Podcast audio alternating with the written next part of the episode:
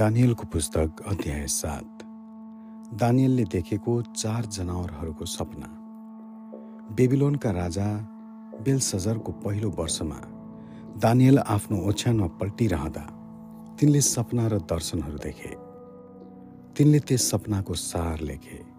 दानियलले भने मेरो दर्शनमा राति मैले हेरिरहँदा मेरो अघि आकाशका चार बतासहरूले ठुलो समुद्रलाई मन्थन गरिरहेका देखे। एक अर्काबाट फरक चार ठुला पशुहरू समुद्रबाट निस्के। पहिलो चाहिँ सिंह जस्तै थियो र त्यसका पखेटाहरू चिल्का जस्तै थिए। त्यसका पखेटाहरू नचुडाएसम्म मैले हेरिरहेँ र त्यो मानिस जस्तै दुई खुट्टाले उभिने गरी जमिनबाट उठ्यो र त्यसलाई एकजना मानिसको हृदय दिइयो अनि मेरो अघि दोस्रो पशु थियो जुन चाहिँ भालु जस्तो देखिन्थ्यो। त्यसलाई शरीरको एकपट्टिबाट उठाइयो र त्यसको मुखको दाँतहरूका बीचमा तिनवटा करङहरू थिए।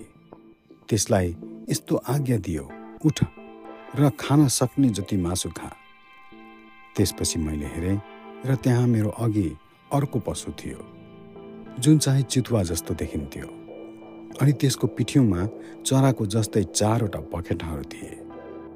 त्यस पशुका चारवटा टाउकाहरू थिए। र त्यसलाई शासन गर्ने अधिकार दियो। त्यसपछि राति दर्शनमा मैले देखेँ र मेरो अघि भयङ्कर र डर लाग्दो अत्यन्तै शक्तिशाली चौथो पशु थियो। त्यसका ठुल्ठुला फलामका दाँतहरू थिए। त्यसले आफ्नो शिकारलाई चकनाचुर पारी खाइदिन्थ्यो र बाँकी रहेकालाई खुट्टाले कुल्ची मिल्ची पाल्थ्यो। अघिका पशुहरूभन्दा यो फरक थियो र त्यसका दसवटा सिंहहरू थिए। जस्तै म ती सिंहहरूमा का बारेमा विचार गर्दै थिएँ। मेरो अघि एउटा सानो सिंह थियो जुन चाहिँ तिनीहरू मध्येबाट उम्रेको थियो। र पहिलेका सिंहहरूमध्ये तिनवटा चाहिँ त्यसको सामु जरै समेत उखालिए मानिसका आँखा जस्तै त्यस सिंहका आँखा थिए र अहङ्कारी कुरा गर्ने त्यसको मुख थियो जसै मैले हेरेँ। सिंहासनहरू बरालिए बसालिएर अति प्राचीन आफ्नो सिंहासनमा बस्नुभयो। उहाँका लुगा हिउँ जस्तै सेता थिए। उहाँको शिरको केस उन जस्तै सेतो थियो। उहाँको सिंहासनमा बलिरहेको आगोको ज्वाला थियो र त्यसका चक्काहरूमा दन्केको आगो थियो। उहाँको सामुबाट आइरहेको आगोको एउटा नदी बकिरहेको थियो। हजारौँ हजारले उहाँको सेवा गर्थे। दस हजार दस गुणा दस हजार उहाँको सामु उभिएका थिए।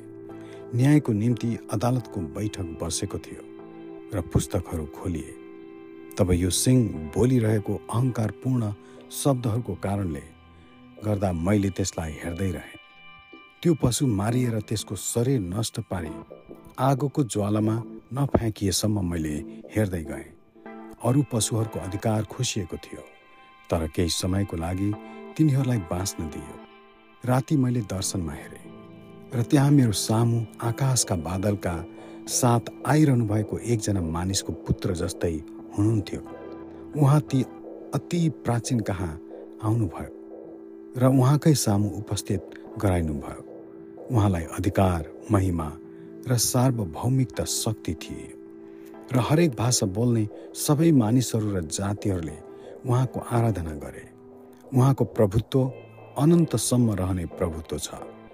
जुन चाहिँ कहिल्यै टल्ने छैन र उहाँको राज्य त्यो हो जुन कहिल्यै नष्ट हुने छैन। सपनाको अर्थ म दानियल आत्मामा बेचैन भएँ र मैले पाएका दर्शनहरूले मलाई विचलित तुल्याए। त्यहाँ उभिएकाहरूमध्ये एकजना कहाँ म गएँ र यी सबै कुराको अर्थ बताउन अनुरोध गरेँ। यसकारण उनले मलाई यी कुराको अर्थ बताइदिए। चारवटा पशुहरू चाहिँ पृथ्वीमा खडा हुने चारवटा राज्यहरू हुन्। तर सर्वोच्चका पवित्र जनहरूले यो राज्य पाउनेछन् र सदा सर्वदाको लागि अधिकार गर्नेछन् हो सदा सर्वदाको लागि। तब मैले त्यो चौथो जनावरको साँचो अर्थ जान्न चाहेँ।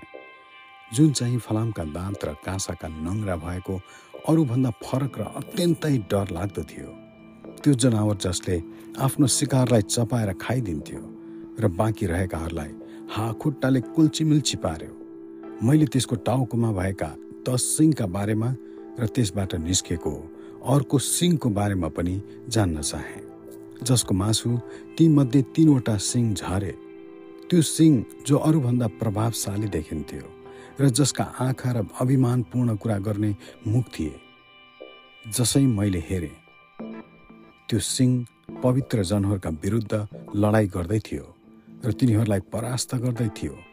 जबसम्म ती अति प्रचा प्राचीन आएर सर्वोच्चका पवित्र जनहरूको पक्षमा इन्साफको घोषणा गरे। अनि समय आयो जब तिनीहरूले राज्य अधिकार गरे। तिनले मलाई यसरी बताए चौथो जनावर चाहिँ पृथ्वीमा देखा पर्ने चौथो राज्य हो। यो चाहिँ अरू राज्यहरूभन्दा फरक हुनेछ र समस्त पृथ्वीलाई कुल्ची मिल्ची पारी निल्नेछ। दस सिंहहरू त्यस राज्यबाट आएका दस राजाहरू हुन्। त्यसपछि पहिलेको भन्दा फरक अर्को राजा खडा हुनेछ। उसले तीन राजाहरूलाई दबाउनेछ। उसले सर्वोच्चको विरुद्धमा बोल्नेछ र उहाँका पवित्र जनहरूलाई अत्याचार गर्नेछ र ठहराइएका समय र व्यवस्थाहरू फेरि प्रयत्न गर्नेछ। पवित्र जनहरू साढे तिन वर्षसम्म उनको हातमा सुम्पिदिनेछन्। तर अदालत बस्नेछ र त्यसको अधिकार खोसिनेछ र सदाको निम्ति पूर्ण रूपले नाश गरिनेछ। तब सम्पूर्ण स्वर्गमुनिका राज्यहरूको सार्वभौमिकता शक्ति र महानता सर्वोच्चका मानिसहरू अर्थात् पवित्र जनहरूलाई दिइनेछ। उहाँको राज्य अनन्तको राज्य हुनेछ। सबै शासकहरूले उहाँको आराधना र आज्ञा पालन गर्नेछन्। कुराको अन्त यही हो। म दानियल मेरा विचारहरूले गर्दा अत्यन्तै बेचैन भए र मेरो अनुहार पहेँलो भयो तर मैले यो कुरा आफ्नो मनैमा राखेँ। आमेन।